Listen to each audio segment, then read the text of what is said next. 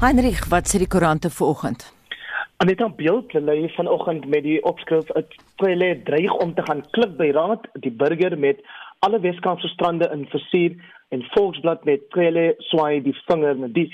Dagblaai lê almal vanoggend by die minister van polisie Bekkie Twele se gevoel dat alle Kaapse strande gesluit behoort te word na sy sal mense sê omstrede feite sending die afgelope week waar tydens hy onder meer 'n filmspan van die strand afgeskop het daar in die Kaap hoewel hulle goedkeuring gehad het om daar te vervilm. Dit is veral wat die minister noem strandgangers se roekelose gedrag wat vir hom een te veel was, maar die regering word tans deur minstens 3 hofgedinge in die gesig gestaar om die sluiting van strande te keer. Beeld dit ook 'n mooi foto van Kersvader Chris White met 'n deursigtige gesigmasker wat by die Greenland Mark in Menlo Park vir 'n fondsinsameling vir die Jacaranda kindertuis sal optree terwyl die burger ook die storie van die vervreemde vrou van die voormalige minister Malusi Gigaba op die voorblad dra nadat sy gister in 'n televisieonderhoud die vletjie geblaas het oor hoe Gigaba glo gereeld sakke vol kontant by die Guptas se woning gaan afhaal het. Ons loer ook vanoggend na die voorblad van die nuutste uitgawe van Landbou Weekblad wat met die hoofopskrif stories van hoop en vernuf lei en dit sluit 'n keer in van die tydskrif se 100ste jaar se beste artikels, nuus en boereplanne. Die uitgawe bevat ook 'n bespreking deur professor Johan Willemse van die jongste neigings in grondpryse. Ons praat vanoggend net voor 8 oor Egiptiese artefak wat in 'n sigaardoos by die Universiteit van Aberdeen in Skotland gevind is nadat dit vir dekades lank soek was. Dit het ons laat wonder hoe gereeld verloor jy items wat jy iewers wegbêre of net gewoon neersit en dan nie kan onthou wat jy daarmee gemaak het nie. Deel jou stories met ons en vertel hoe gereeld gebeur dit as jy iets verloor en dan eers dae, weke, maande, selfs jare later dit weer vind. Stuur 'n SMS na 45889 dit kos R1.50 of gaan na facebook.com vorentoe skynstreep ZRC of WhatsApp vir ons stemnota na 076 536 6961 ek herhaal daai nommer 076 536 6961 Die Kaapstadse Metroraad sê hy gaan die Hooggeregshof nader om 'n dringende interdik te bekom teen die polisie. Die Kaapstadse lid van Veiligheid en Sekuriteit JP Smith sê die polisie het ingemeng met die werk van 'n rolprentspan wat op 'n strand by Kampsbaai gewerk het en ons praat nou vanoggend weer met hom verder daaroor. Goeiemôre. Kan jy my hoor? Ek kan jou heeltemal hoor. Ons het nou gister met jou gepraat. Ons weet die polisie het met die eerste dag se werk ingemeng. Ek verstaan dit nou weer gebeur.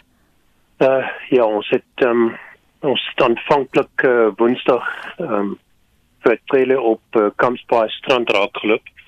Uh met 'n redelike groot groep polisie by hom gehad en toe hy naby die um die vorm opname of die reklame opname kom toe uh loop hy oor na ons toe en sê vir ons dat dit moet onmiddellik stop want dit is onwettig en ons het probeer verduidelik op daai stadium dat dit nie buite die reëls val ehm um, dat dit nie deur die uh, nuwe inperking reëls verbied word nie.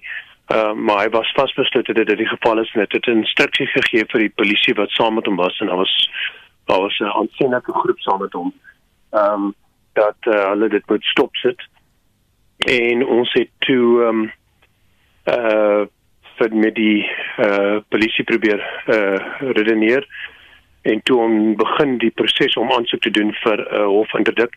Ehm um, daai polisie het daar gebly vir die volgende 6 uur om te verbied dat die reklame opname verder gaan. Maar toe later vir die ehm um, ehm um, span wat daar gesê die reklame span gesê nee, julle kan môre aangaan.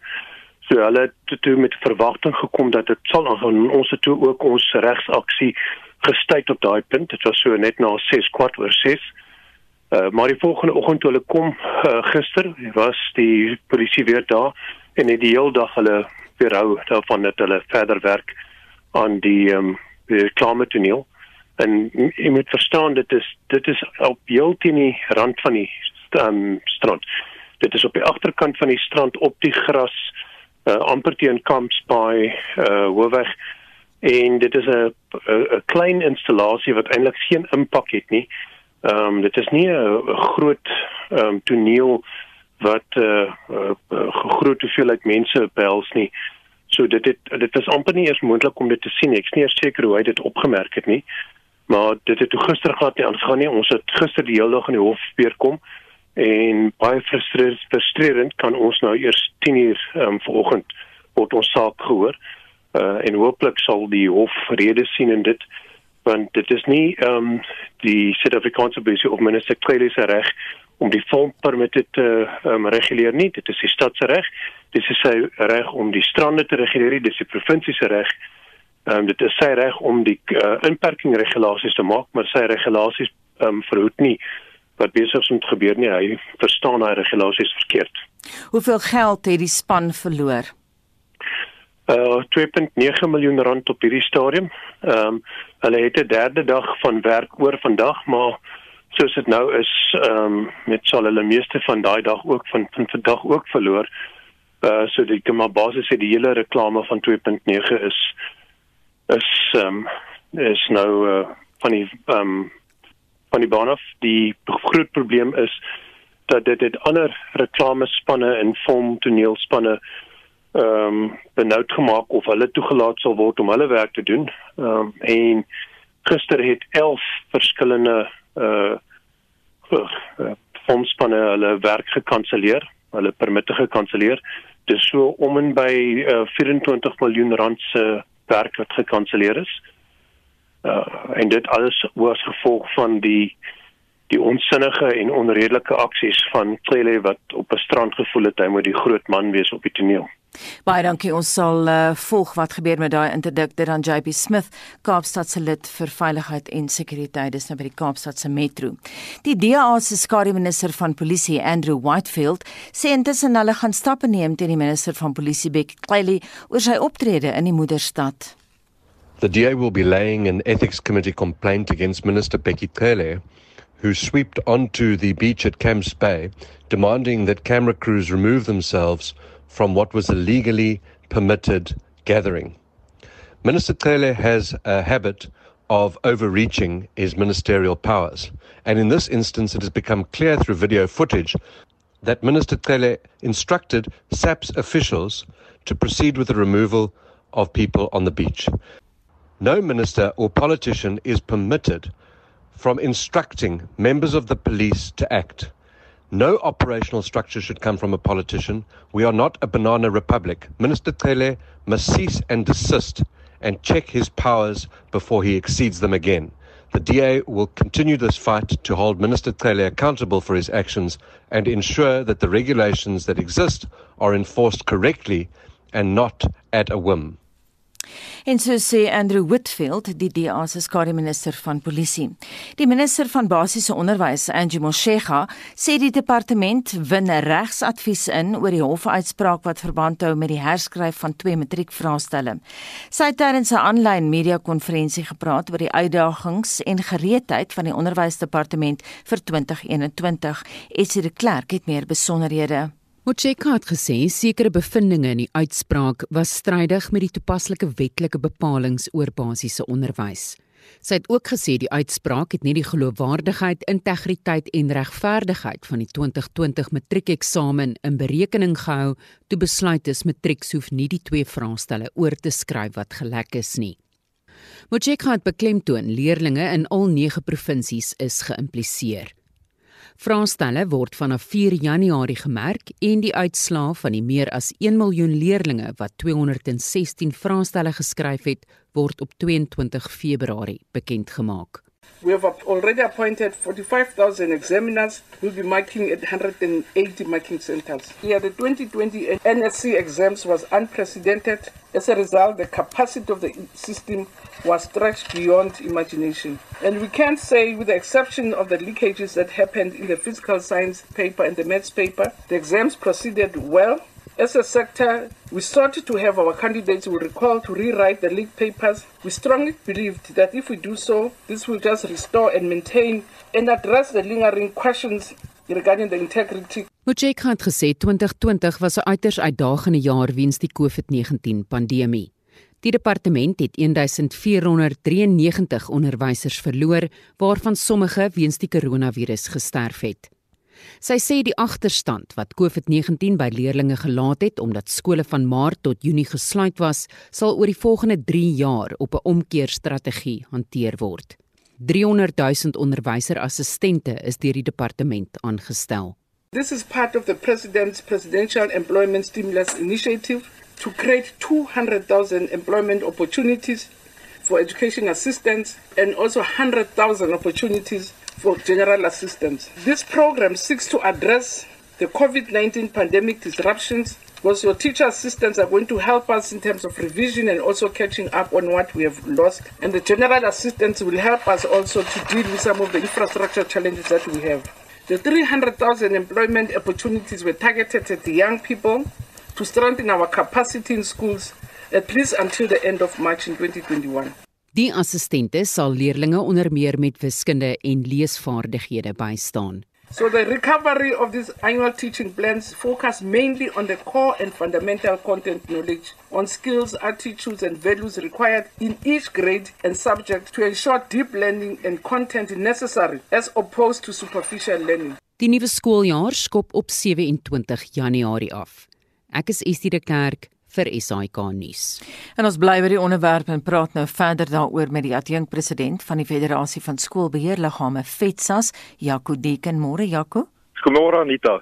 Jou eerste reaksie op die minister se besluit om regsadvies in te win oor die hofbeslissing teenoor wat die herskryf van die vraestelle betref. Anita, binne die regstaat is dit daar enigste opsie om dit te doen. Ons het lede Saterdag uh, saam met die DG en senior amptenare vergader. Op daai stadium het hulle reeds ons aangedui dat hulle wil appeleer as gevolg van 'n klomp uh, foute wat hulle volgens hulle die regter in die in die uitspraak gemaak het of aannames wat gemaak is. Want daai stadium baie sterk gevoel dit moet reggestel word ongeag of die leerders moet skryf of nie moet skryf nie. So die minister oefen haar grondwetlike regheid en is ook die regte manier om dit te doen. Mhm. Mm ja, kom ons werk hier teen tyd. Ja, ek dink minister het ook gesê sy gaan nie noodwendig die leerders oorskryf nie. Ehm um, ek het gesien hulle is onder andere bekommerd oor die opmerking wat die regter gemaak het oor die regsgeldigheid van die Raad van Onderwysministers en hulle hulle bevoegdheid om sekere besluite te neem. En dis 'n belangrike struktuur binne die onderwysstelsel, so ek dink is belangrik dat ons sekerheid kry waar ons staan oor besluitnemingsmagte. En Jaco so gepraat van sekerheid. Die minister kon nie met sekerheid sê tot watter mate 2021 ontwrig gaan word nie. Kom ons luister na wat sy gesê het. On the second wave, we had not discussed because it was only declared now during exams and what we're doing when we're doing preparations for 2021, we made them with the view that we will go in still with corona around us because the vaccine said to be coming in June. So we have some time now, so we have at least the whole of December, almost the whole of January. So we'll see how things shape up, but we'll be informed by what the developments are. Het julle baie insette daar gelewer, Jaco? Anita ons is deel van baie vergaderings en gesprekke gewees en ek dink ons is almal op dieselfde bladsy dat 2021 besmoontlike ontwrigte onderwysjare gaan wees. Maar ten minste het ons die voordeel om dan terug te kyk wat het in 2020 gewerk, wat het nie gewerk nie. Ek dink ons grootste bekommernis bly nie die nasionale departement en beleid en goeie planne wat op daardie vlak gemaak word nie, maar meer die bevoegdheid van provinsies om uitvoering hieraan te gee. En dit bly steeds eh, 'n uh, groot bekommernis want dis nie werklik aangespreek. Jaco sê ook syfers genoem wat kommerwekkend is. Sy praat van 1500 onderwysers wat in die tydperk dood is. Hoe korrek is daai syfers 1 en 2 hoe raak dit die onderrig? Anita het geen idee hoe korrek die syfers is nie. Ons het maar so in die media ook kennis geneem van onderwysers wat gesterf het in hierdie tyd. Dis tragies, dis verskriklik hartseer want uh, baie van die onderwysers, as jy nou kyk na die ouderdomskategorie wat die meeste geaffekteer was, ten minste op die eerste vlak, was jy senior onderwysers gewees. Ehm um, en 'n skool is dit jou onderwysers wat ook die mentors is vir die jonger mense. Maar uh in die groter prentjie is baie sleg as jy as jy pa of 'n ma of 'n broer of 'n suster op 'n manier moet groet en ons word maar familie in die onderwysstelsel ook. Jaco, nou is daar genoeg onderwysers om daai gapings wat gelaat is te vul. Dat die antwoord is ja en nee, as ou getalle kyk, is daar genoeg onderwysers in omloop of wat afstudeer het of van van die provinsies het ons betalige onderwysers, maar nou moet jy baie skoolspesifiek gaan kyk wat is die behoefte. Dit help nie ek het 10 beskikbare Afrikaanse opvoeders maar die behoefte is in wetenskap nie. En die departement wil nou die verlore skooljaar oor 3 jaar inhaal. Stem jy saam dis die wysste manier, die mees praktiese manier wat mens dit sou kon doen? Ja, Anita, ek dink dit is die beste manier om dit aanpak aan te pak. Ons versoek was net dat die departemente genoeg garasie vir skole moet gee om dit op skoolspesifieke vlak te gaan toepas. Want van die skole het bloot voortgegaan met onderrig en is 100% op datum met hulle skoolwerk. Uh en dalk net 'n entjie af in dieselfde straat was die gemeenskap dalk nie binne posisie om tegnologie te gebruik nie en veral met 'n graad eentjie wat dalk 25 of 45 dae onder die hele jaar gehad het, gaan jy nie in so jong leerdertjie se se kop onmiddellik uh alles wiskunde lees, skryf in kan druk nie. So ou moet 'n infaseringstydperk hê. So dit ondersteun ons, maar ons ook dat dan maksimum professionele autonomiteit die onderwysers gegee moet word om dit so goed as moontlik daar te bestuur. Ja, kom ons nou baie onderhoude hierdie jaar gevoer oor die impak van COVID op die onderwys en ek moet sê julle sê elke keer dat julle samewerking betreklik goed is met die departement en met die minister en dat die deure oop staan dat julle kan kommunikeer en so. Staan jy nog daarbey? Ja, Anita, ons het maar ons kopstamp hierdie jaar gehad waar waar nodig. Ek dink die woord wat baie gebruik is in ons vergaderings is 'n robust debate. Dat ons nie geskreeu het om die woorde te gebruik nie. Maar weer eens, nasionaal, eh, kan ek regtig sê het ons goeie goeie samewerking. Ons regkundige mense, maar die oomblik as politiek inkom en die oomblik wat iets na provinsie toe gestuur word, is waar ons die probleme ervaar. Mm -hmm. Is dit waar die grootste foute gelê het hierdie jaar? Dis verseker waar die grootste foute gelê het omdat daar bloot nie sterk genoeg kapasiteit en sterk genoeg leierskap in die provinsies is. En ek meen een van die onderwysprovinsies onder administrasie, Limpopo het nie die vermoë om die onderwysstelsel te bedryf nie. En dis die realiteit.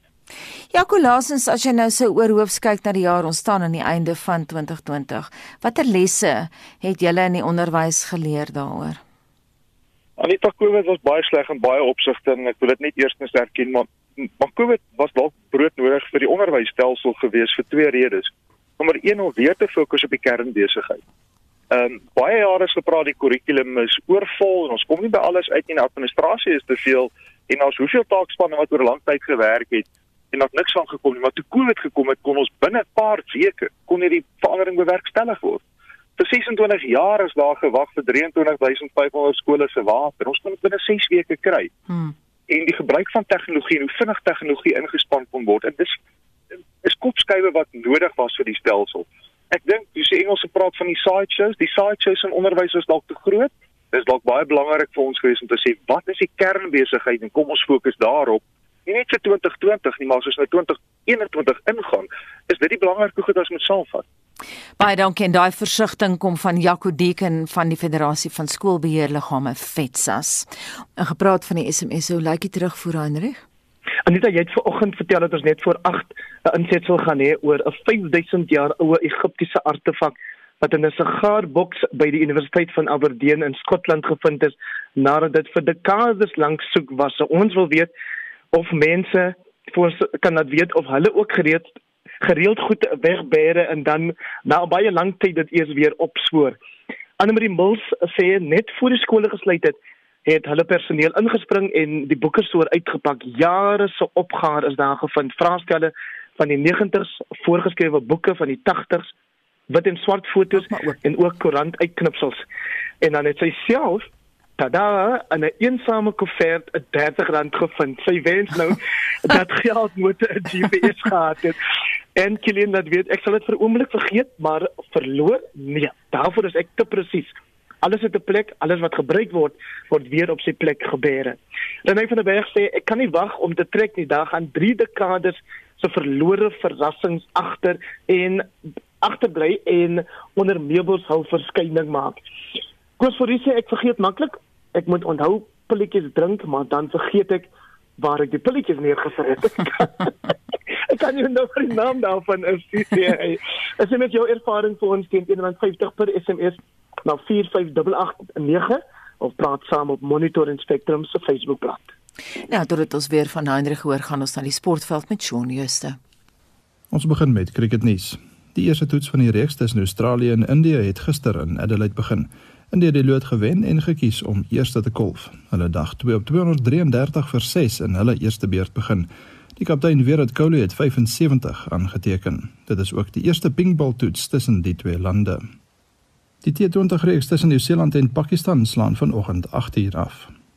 Kriket Suid-Afrika het die plaaslike vierdag reeks se sesde ronde wat Sondag sou begin weens die stygende koronavirusgevalle in die land uitgestel en hoop om die wedstryde volgende jaar te herskeduleer. Die Cape Cobras en Knights se mekaar in Kaapstad, die Warriors en Dolphins mekaar in Port Elizabeth en die Lions en Titans mekaar in Johannesburg die stryd aan sê.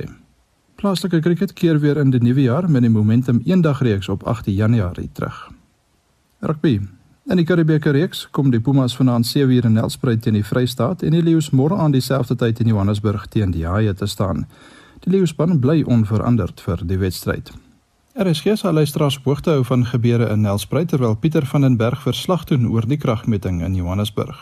Onthou gerus dat die wedstryd in Kimberley tussen Griekwas en die Bulle gekanselleer is.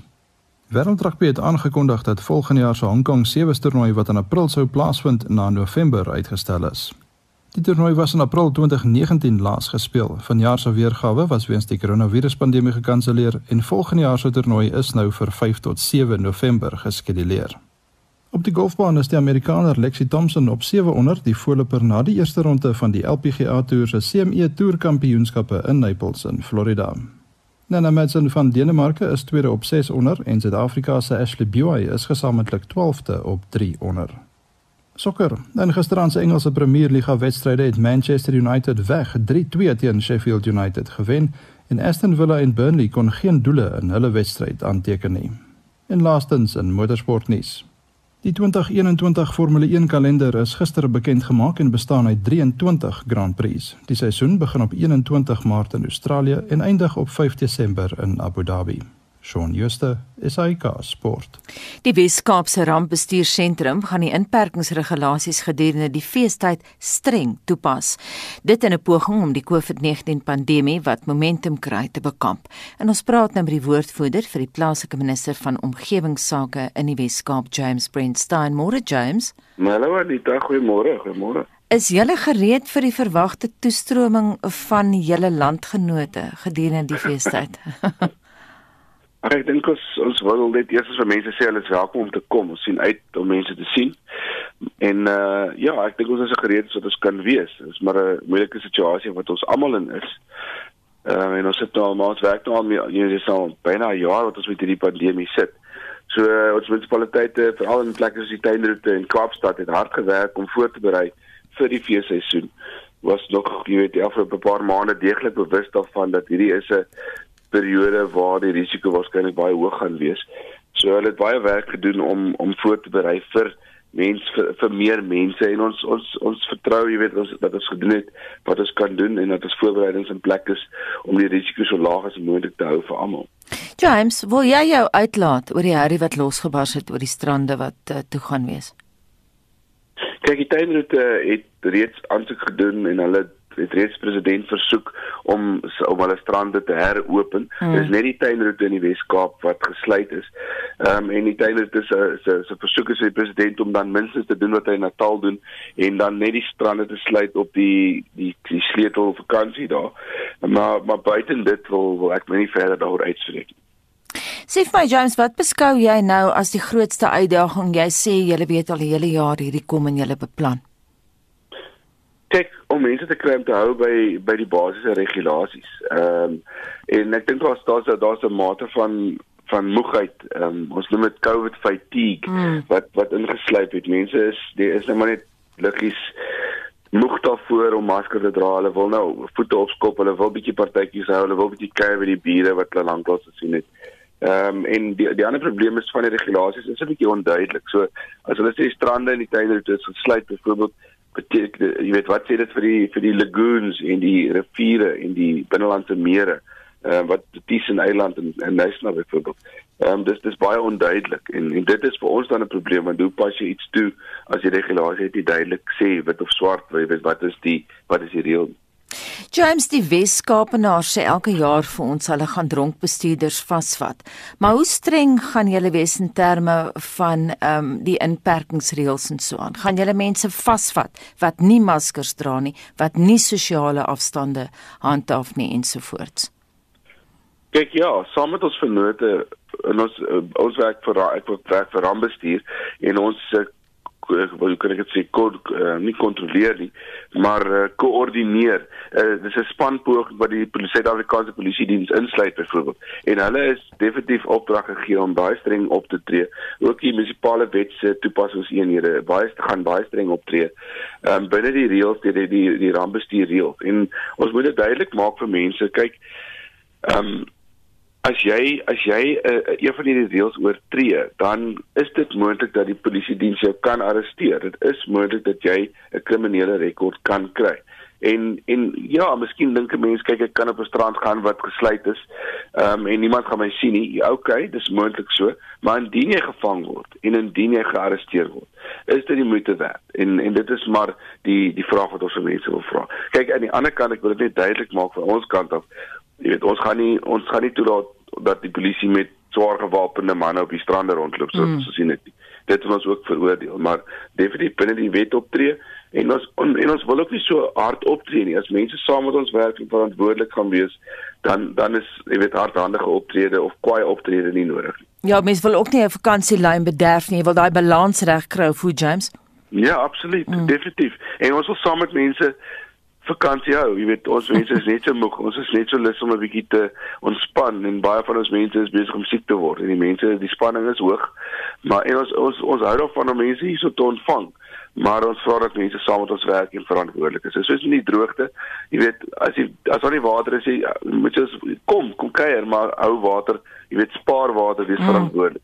Selfs met hierdie situasie, wees verantwoordelik. Hou maar vir koue kersies en jy dit in jou huis met jou gesin en dan is dit wonderlik. James, as jy praktiese raad vir ons luisteraars het vir oggend, wat sou dit wees? Ehm um, kyk, jy weet, daar's baie inligting aanlyn beskikbaar. Ek kan definitief die Weskaapse regering se coronavirus dashboard aanbeveel. Dit is 'n baie uh updated ehm um, hulpmiddel wat vir jou presies kan sê wat die situasie is in die area waartoe jy op pad is. So dit 'n bietjie navorsing, kyk hoe lyk dit waartoe jy op pad is. Ehm um, vat bykomende sanitasie miskien saam vat 'n paar ekstra maskers saam. Ehm um, en probeer 'n bietjie beplan om veral in in in belangrike tye dat jy nie winkelsentrums toe hoef te gaan nie. Ek dink en en kyk ook watter ander opsies daar is om byvoorbeeld kinders besig te hou. Dat indien jy in 'n plek is waar die strande gesluit is of waar parke ehm um, daar's byvoorbeeld kwotas ingestel, net seker hoeveel mense kan per dag in sekere parke ingaan dat jy ander dinge het vir die kinders om te doen. Dat jy nie kom en dan is jy weet dan daar ongemaklikheid nie. So 'n bietjie vooraf beplanning dink ek uh, kan kan kan van groot waarde wees. Baie dankie en daai raad kom van James Brentstein, hy is die woordvoerder van die plaaslike minister van omgewingsake in die Kaap. Die minister van Polisie, Bekkie Cele, het vroeër sy kommer uitgespreek oor die toename in misdaad in Mpumalanga.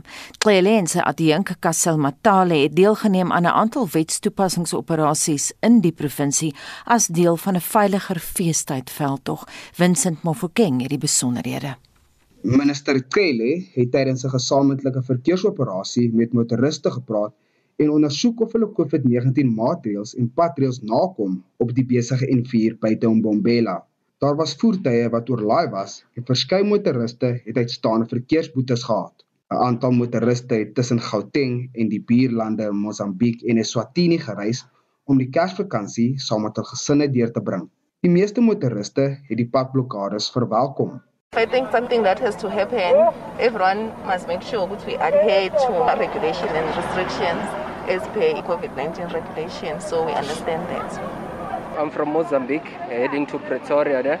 In regards to the roadblock, I think it helps a lot because many people uh, will try to take advantage, but with the roadblocks here, that will decrease. But at the same time, it delays us a lot. Minister Cele sê misdade soos moord, huisrooftogte, inbrake en geslagsgeweld neem toe. Your medias are not telling good story. Your trio crimes are not telling the good story. I'm not going to give figures, but are not telling the good story. We are increasing thieves here. House robberies, burglaries, we are abusing women. GBH, rape, social offenses are increasing.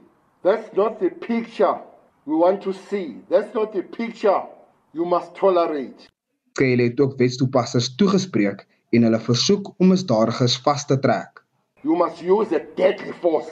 This word deadly is in the law. So, as you protect your own rights, as you protect the rights of everybody, if you need to maximize the protection, maximize the protection. That's why we've got tools.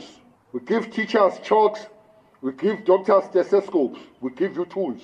Those tools are going to Those tools are for you to do the work. You do the work thoroughly. Minister Trele het ook die misdaad getuisterde gemeenskap van Masoyi naby Hazyview besoek. Die verslag van Erik Lubisi in Mbombela. Ek is Vincent Mufokeng vir SAICanis. Meer as 400 Chinese vissersbote is besig om die gebiedswaters van verskeie Suid-Amerikaanse lande te stroop. Trouwens, die Chileense vloot moniteer tans 11 sulke bote in hulle eksklusiewe ekonomiese sone. Die Chinese is ook bedrywig in Ecuador se gebiedswaters by die Galapagos eilandgroep wat 'n wêrelderfenisgebied is. Die spesifieke lokaas daar is pylinkvis. Nou het Kolumbie, Peru, Ecuador en Chili kragte saamgesnoer om die visstropery te probeer hokslaan. Vir meer daaroor praat ons ver oggend met professor François Vrey van die Universiteit Stellenbosch se Veiligheidsinstituut vir Regeringskunde en Leierskap in Afrika. Môre François. Môre Anita en ook aan die luisteraars. François, is jy bewus van die Suid-Amerikaners se gebiedswaters wat so gestroop word deur die Chinese? Anita, dit is dit is redelik bekend dat uh, die Chinese vissersvlote uh die reëls buig en druk En tweedens, ehm um, as 'n mens gaan kyk na die konsentrasie van vissersvlote ter see, dan sien mense geweldige konsentrasie in die Stille Oseaan langs die Weskus van Suid-Amerika. En deel van daardie konsentrasie wat 'n mens op die kaarte ra radarkaarte kan volg, is dan nou hierdie redelike groot Chinese vissersvloot wat al eintlik baie lank daar lê en wat noord-suid migreer en ook na die ander ander kant die ooskus migreer met tye. En hulle is nou maar in die nuus omdat hierdie lande daar besluit het dat hulle wil baie nouer kyk wat maak hierdie groot Chinese vissersvloot daar. En hoe kry die Chinese dit reg om so ongesiens vis te steel? Wat doen hulle? Anita, ons moet ons moet ook verstaan dat alle Chinese vangste is nie onwettig nie maar dit is ook nie asof jy alles kan moniteer nie. Een van die praktyke wat vissersvlote doen en van hulle skepe doen is so, om sogenaamd uh, going dark te doen. Dit beteken hulle skakel hulle elektronika af, die ligging van die vaartuie aandui en dit beteken dat die ligging en aktiwiteitspatroon kan nie gemonitor word nie want die ligging en die aktiwiteitspatroon vertel vir instansies wat hierdie dinge monitor waar is daai vaartuig en eintlik wat is hy besig om te doen?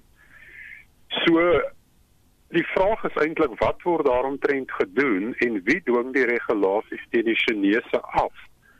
Uh en dat die Chinese moet eintlik ook van hulle kant af verantwoordelik optree om om nie bedreigde spesies te vang nie en by die reëls hou oor watter spesies gevang moet word en in hierdie geval is dit natuurlik sodat dit naby 'n baie sensitiewe ekologiese sone rondom die Galapagos eilande ook voorkom en ek dink dit is veral dit wat die wêreld en moniteringsinstansies laat regop sit dit. Mhm. Mm Vang hulle nou so ver van hulle eie huis af vis omdat hulle reeds hulle eie gebiedswaters gestroop het.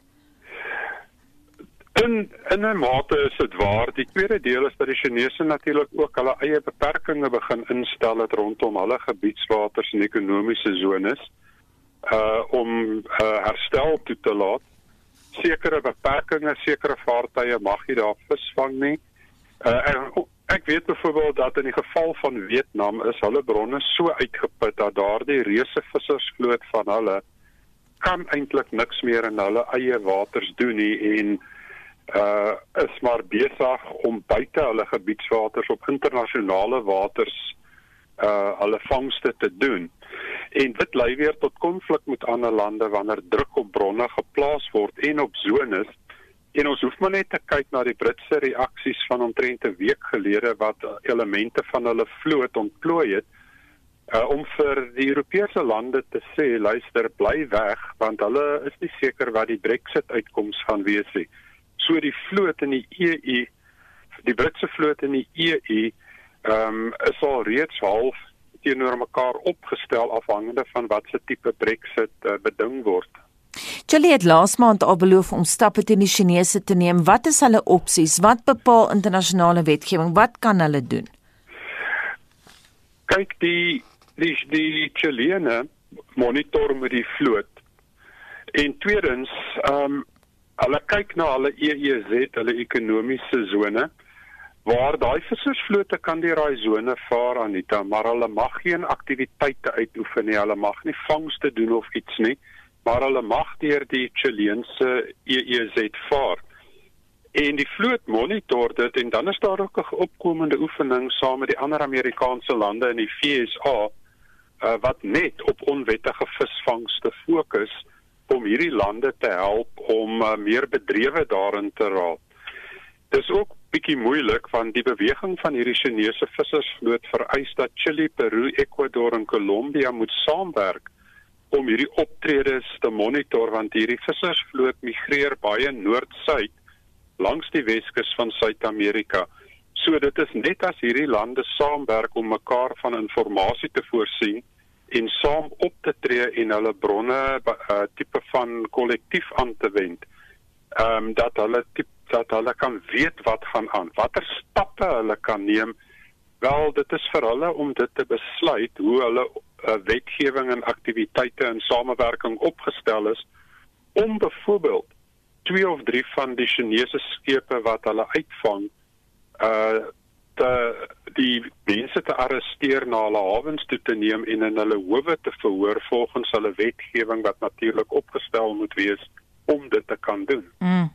Ek sien nou dat die Chinese ambassade in Quito probeer nou vure doodslaan deur voor te stel dat daar 'n moratorium op visvang tydens sekere maande van die jaar moet wees. Wat dink jy van daai voorstel? Anita, ek is nie seker of dit 'n algemene reël is en of dit iets is wat hulle voorstel net vir seek vir vir die Suid-Amerikaanse lande of hoe nie. Ehm um, ek dink net nie dis dit dit gaan bietjie moeilik af om vir ander lande voor te skryf hoe om visvangste te reguleer. Ek dink ook nie nog reëls is die antwoord nie. Bestaande reëls moet net gehoorsaam word. UNCLOS en die reëls wat daar rondom gaan oor die sones, die internasionale waters, wat jy daar mag doen en wat jy nie daar mag doen nie. Die Chinese het natuurlik ook hulle eie beperkings begin instel om hulle vissersvloot in te perk onder andere om die geweldige brandstofsubsidie te begin inkort wat vir hierdie vissersvlote dit moeiliker gaan maak om so ver van die huis af so lank op see te bly en net aan te hou vang en vang en vang. Een van die probleme is natuurlik dat die Chinese daarvan beskuldig word dat hulle onderteken alles, maar hulle hou nie by die reëls nie mm. en dit is dis dis regtig problematies. Oceana, die Washington gebaseerde nie-regeringsbewaringsgroep, dis nou die wêreld se grootste wat fokus op die oseaan, hmm. het nou van die vergrype aan die groot klok gehang. Hulle kla verskriklik. Hoeveel effek het internasionale druk op die Chinese? Ek dink nie dit het veel druk nie. Ons moet natuurlik onthou dat die Chinese ambassade het al klaar bietjie begin vure doodslaan soos wat jy gesê het want dit is nie net owerhede nie, maar hierdie nie nie regeringsorganisasies, omgewingsorganisasies doen geweldig baie werk en is in is in baie gevalle baie effektief om uh die oortredings te belig. Maar ek dink dit sal meer effektief wees oor hoe lande en organisasies saamwerk om die internasionale reg en nasionale wetgewing af te dwing teen vissersvlote wat oortree Uh een van die aspekte wat ons sien is dat lande is baie keer bewus en hulle het baie bronne tot hulle beskikking om op te tel wat sulke vissersvlote doen. Maar hulle het nie noodwendig al die die die kundigheid, die wetgewing en die bronne om op see te patrolleer, uh, te onderskep, te arresteer, te deur die proses te gaan dat dit by 'n hof uitkom waar die wetgewing in die algemeen so opgestel is dat jy geweldige boetes mm. uh, aan hierdie vissersvlote kan oplê. Vraat jy net uh, baie kortliks vir ons leuke. Jy het nou 'n paar keer verwys na eksklusiewe ekonomiese sone. Wat is dit? Ehm um, die eksklusiewe ekonomiese sone, elke land kan so sone registreer. Hy strek so 200 seemyl van jou kus af uh, wat hulle die baseline noem in die see in. Dit sluit jou territoriale waters in. En hierdie sone, as jy dit registreer, dan het jy sekere aansprake oor wat jy daar mag doen en hoe jy dit mag gebruik. En dit plaas weer beperkings op uh, skeepsvaart in ander lande uh oor wat hulle mag doen en hoe hulle rondom daai sones moet navigeer, watter vaartuie mag deur daai sones vaar. Byvoorbeeld daar is 'n groot beperking rondom vlootvaartuie maar ander vaartuie het weer ander reëls wat beteken jy kan deurvaar of jy kan deurvaar maar jy mag geen aktiwiteite bedryf nie. En hierdie EEZ is natuurlik een van die die strydpunte in die Suid-Chinese See want dit maak jou toegang tot geweldige bronne en dit dit laat jou toe om sekere beperkings op ander lande se aktiwiteite en transport en skepe op see daar te stel. Mm. En dit beteken weer dat jy 'n tipe van um, leverage uh veral oor ander vlote se vaartuie, maar ook dat jy vir jouself 'n geweldige sone kan toeëien waar jy ekonomiese aktiwiteite kan bedryf. Chile is byvoorbeeld het die 10de grootste ekonomiese sone in die wêreld. Mm. Ek dink Amerika en Frankryk is nommer 1 en 2 as ek dit mis het nie. Baie dankie en so sê professor Frans Hofrey en hy is van die Universiteit Stellenbosch se Veiligheidsinstituut vir Regeringskunde en Leierskap in Afrika. Daar is geen verkeer. In Gauteng op die N1 by Deflon veroorsaak 'n trokongeluk by die Goue Hoofweg afrit dat verkeer daar ophoop. Ook in Gauteng is die pad by Riverbridge in Pieterville gesluit en word motoriste aangeraai om alternatiewe roetes te volg. En dan in Kaapstad is Victoria Straat tussen Landadne en Bakoven gesluit weens 'n brand in die berg. Vertragings kan daar verwag word en alternatiewe roetes word deur die plaaslike verkeersdienste aanbeveel. Dit is mense verkeersnuus na 45889 teen 51 per SMS. Heinrich, jy die vloer, hoe lyk die SMS'e? Anita, ek dink Dani eh, Liebenberg van Kimberley gaan homself ongewild maak met hierdie SMS. Hy sê wil jy iets weg hê, gee dit vir jou vrou om te beheer. Sy steek dit weg vir altyd en dan gooi Rian olie op die vuur deur te sê ek weet presies waar ek al my goed neersit en beheer. Dit raak weg wanneer my vrou besluit dat met iewers anders kom. Rita skryf dit gebeur seker so een keer elke 2 weke dat ek na, dat ek na iets soek wat ek nie kan kry nie, soos 'n paar dae gelede dat ek my kragrekening in my klere laai gebeer het in plaas van in die leer vir die kragrekenings. Ek het die hele woonstel omtrent omgekeer en toe ek weer in die laai kyk kry ek die rekening. Ehm um, sy dink menopause het ook 'n uh, rol gespeel. En dan hierdie een van Kobus de Wet van Kleinmond, hy sê jare gelede het ek my seelring verloor toe ek 'n muur geverf en die ring afgehaal het. Ek het hmm. daar lank gesoek en naderhand maar aanvaar dat ek die ring wat 'n 21ste verjaarsdag geskenk van my ma was vir altyd verloor het. Omtrent 3 jaar later soek ek toe nou na iets in 'n lesenaar laai en daar vind ek die ring. Ek is nou amper 70 jaar oud en ek dra die verlore ring nog steeds. Ek sal weer teen half 8 terug wees met terugvoer so SMS vir ons jou ervaring na 45889 teen 150 per SMS of praat saam op monitor en Spectrum se Facebookblad. Intussen bly ingeskakel by Monitor want 'n baie interessante program wag nog op jou. Lekker vir 'n Vrydag. Ons kyk na 'n innoverende loodsprojek in die moederstad om die stad se drinkwater aan te vul en dit het te doen met die oes van mis wat gereeld bo op die berg, ek hoef nie te sê watter berg, gaan lê nie, so bly ingeskakel daarvoor. Ons kyk na COVID deel netste syfers en dan is die Britse media opgewonde want hulle het iets anders gehad om oor te berig as COVID en dis die Egiptiese artefak wat in 'n sigaardoos by die Universiteit van Aberdeen in Skotland gevind is. Ons praat 'n bietjie oor 'n met 'n argeoloog oor watter vreemde dinge al in die verlede op verskeie plekke gevind is. So daardie onderhoud so tussen 08:30 en 8:00. Dit bring ons by 7:00.